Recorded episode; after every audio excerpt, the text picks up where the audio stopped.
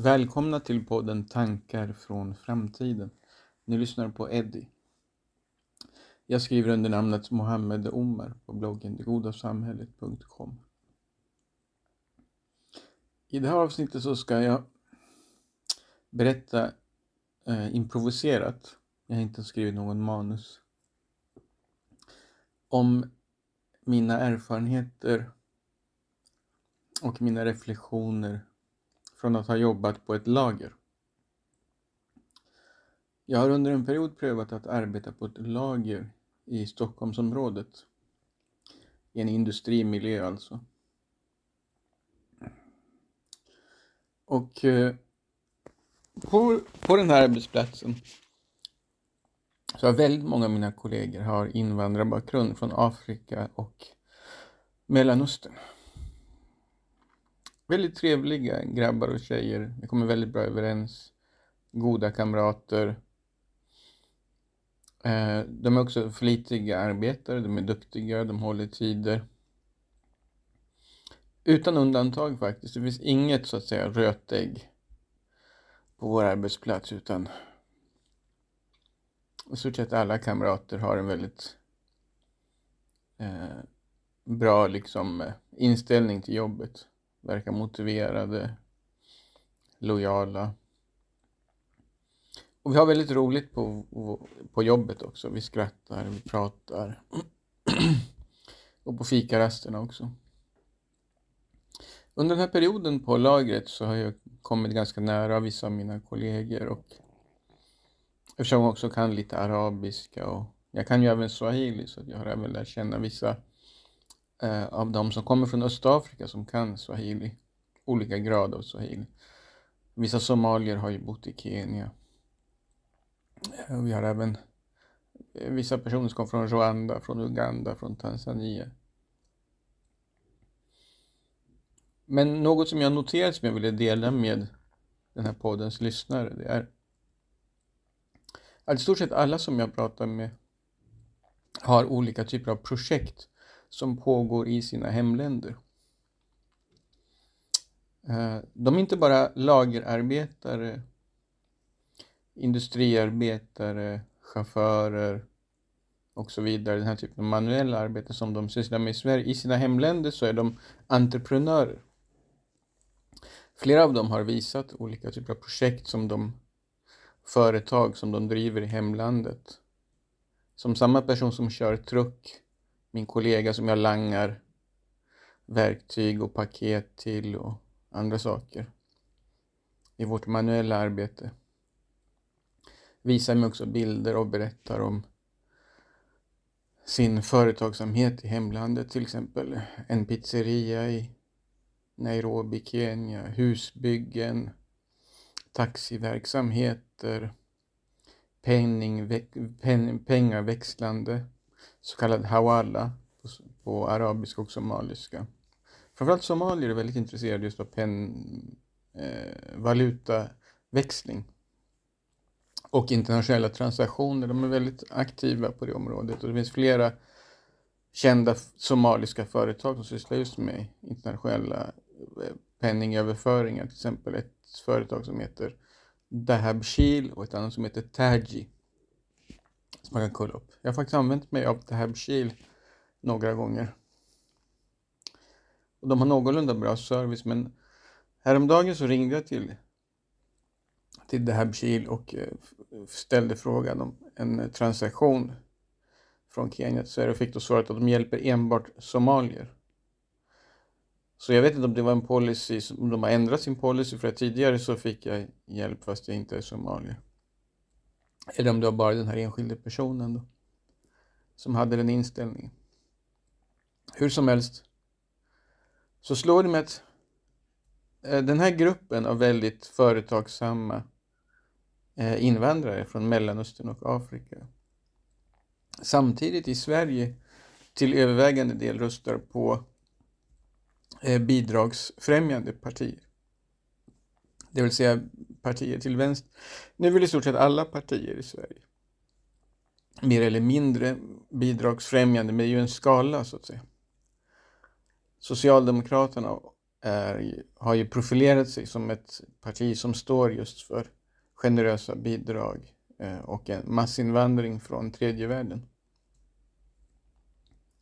Och det partiet är väldigt populärt bland eh, just eh, inom den här invandrargruppen då, av personer från Afrika och eh, Mellanöstern. Där en väldigt stor majoritet röstar just på Socialdemokraterna. Och det är märkligt för att i sina privata liv och som privatpersoner så är dessa väl personer som jag upplever, jag har ingen statistik på det, men min erfarenhet, och inte bara från det här lagret då, som jag arbetat på, utan även tidigare erfarenheter, så är man eh, överlag väldigt, så att säga, kapitalistiskt sinnad. Man är, så att säga, eh, man vill göra affärer, man vill tjäna pengar och man har en väldigt negativ syn på skatter och man är ganska skeptisk till staten. Man vill att staten ska ha så lite som möjligt kontroll över privatpersonernas liv.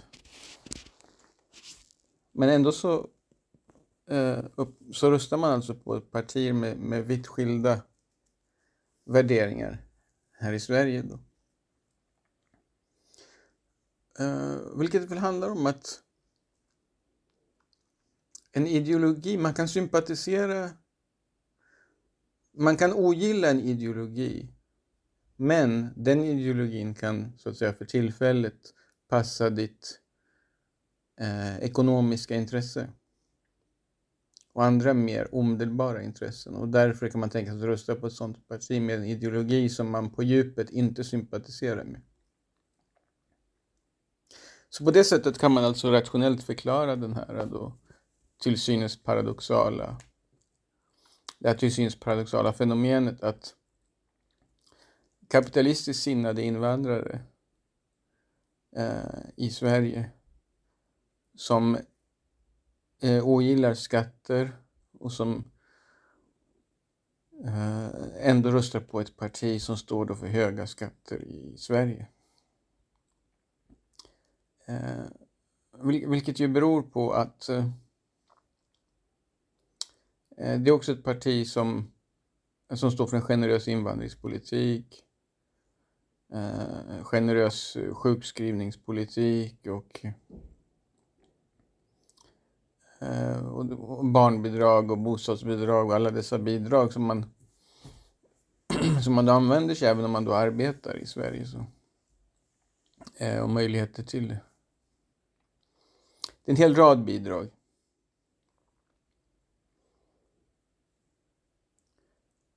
Men, eh, men så, och det här visar också på någonting annat. Ett fenomen som jag skulle vilja peka på. Eh, detta med att man befinner sig i Sverige men att man så att säga i tankarna har en...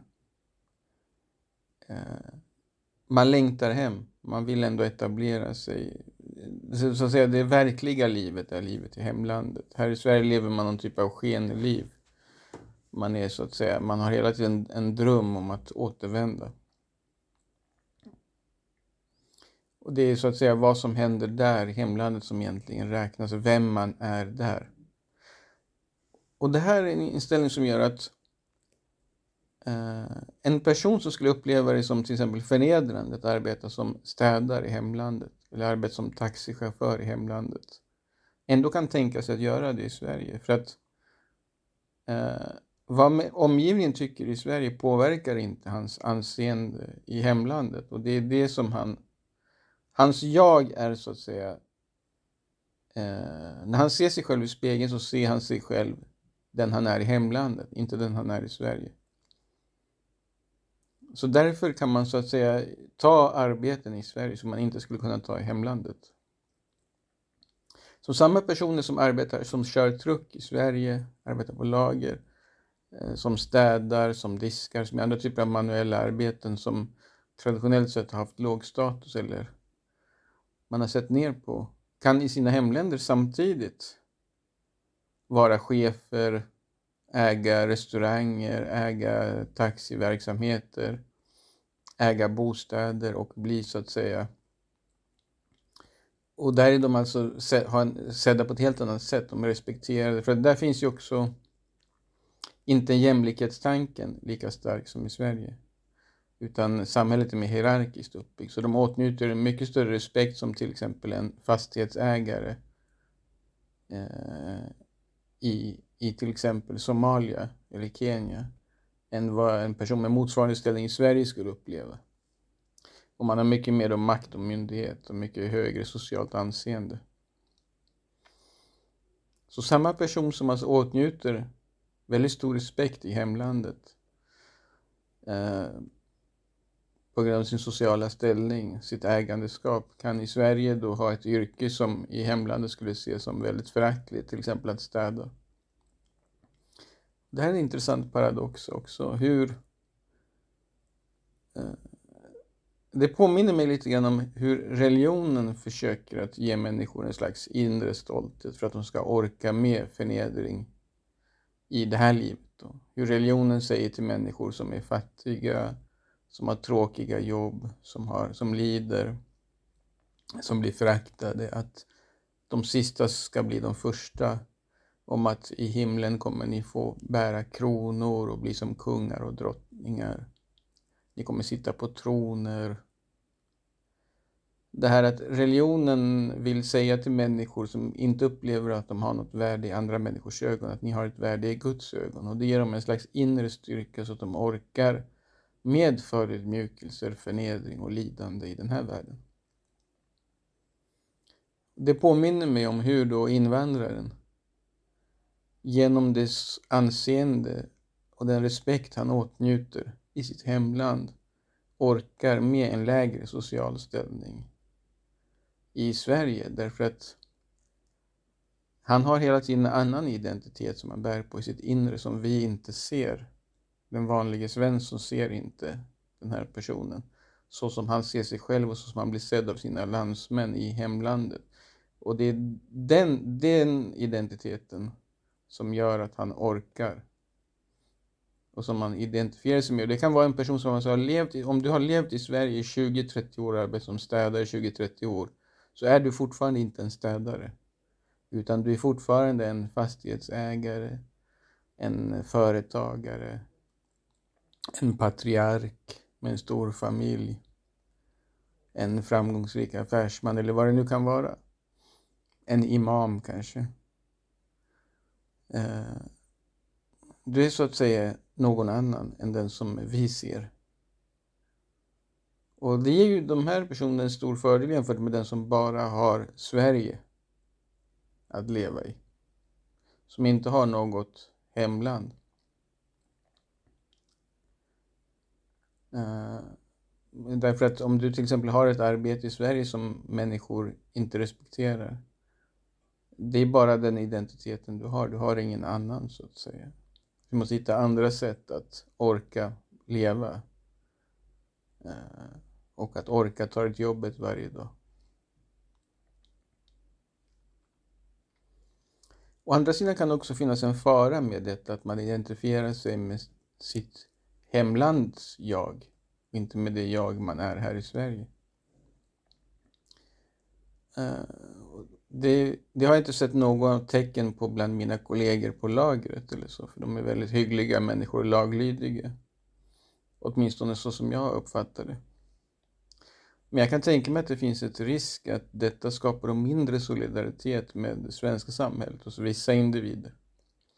Där man då inte bryr sig om till exempel Eh, den, för vissa, många svenskar hindras att begå brott eller att leva på bidrag på grund av en skam som det innebär. Men om man har en väldigt stark stolthet som bygger på hur man är sedd i hemlandet och inte fäster särskilt stor vikt på hur människor ser på en i, i Sverige, som är då ens arbetsplats där man upplever att man befinner sig tillfälligt. Eh, då, då kommer man inte känna skam då. Eller bli lika påverkad av andra människors negativa syn på en själv här i Sverige. Eh, till exempel kan vissa etniska svenskar eller infödda svenskar som är väldigt fastrotade i Sverige och bara har det här, den här platsen att leva på som att kalla sitt hem då. Och där de har växt upp och har alla sina sociala kontakter just i Sverige kan uppleva det som väldigt förnedrande att gå till socialtjänsten och be om hjälp. Medan om man då eh, har sin identitet förlagd i hemlandet kommer det inte upplevas på samma sätt. Utan det känns som, det kan vara en annan, en annan strategi helt enkelt. Så det, det är några av mina reflektioner utifrån mina erfarenheter på ett lager i Stockholmsområdet. Men överhuvudtaget så tycker jag det är väldigt intressant och jag undrar om mina lyssnare har upplevt samma sak. Det här med den här starka entreprenörsandan som de möter hos många invandrare. De har människor som till med, för att använda ett uttryck som vissa kanske anser, som vissa kanske inte kommer gilla, men enkla jobb. Manuella jobb. Jobb som inte kräver särskilt mycket utbildning, kanske lågbetalda jobb. Samtidigt kan vara alltså människor med hög social status i hemländerna och de sysslar med företagsamhet, de investerar hit och dit, de kontrollerar anställda via sina mobiltelefoner på kafferasterna. På kafferasterna till exempel på mitt jobb så sitter många och pratar på sina språk, de dirigerar i familjeangelägenheter. De, eh, eh, de eh, uppmuntrar eller kritiserar anställda, de skickar människor på olika uppdrag i sina hemländer att gå och köpa det, gå och sälja det, gå och prata med den och gå och fixa det och så vidare. Eh, och de bygger fastigheter, både för att själva och sina, för sina familjer att leva i, men också för att hyra ut och tjäna extra pengar och så vidare. Jag tycker det här är ett fascinerande fenomen som förtjänar att belysas. Eh, Eh, och det är intressant också med kontrasten, eller den skenbara kanske paradoxen mellan hur Socialdemokraterna, ett så kallat arbetarparti, numera ett bidragsparti, eh, väljare kan ha så eh, annorlunda värderingar än de som partiet officie eh, officiellt står för. Men ändå uppleva att det ligger i deras intresse att rösta på det här partiet. Tack, det var detta avsnitt av Tankar från framtiden.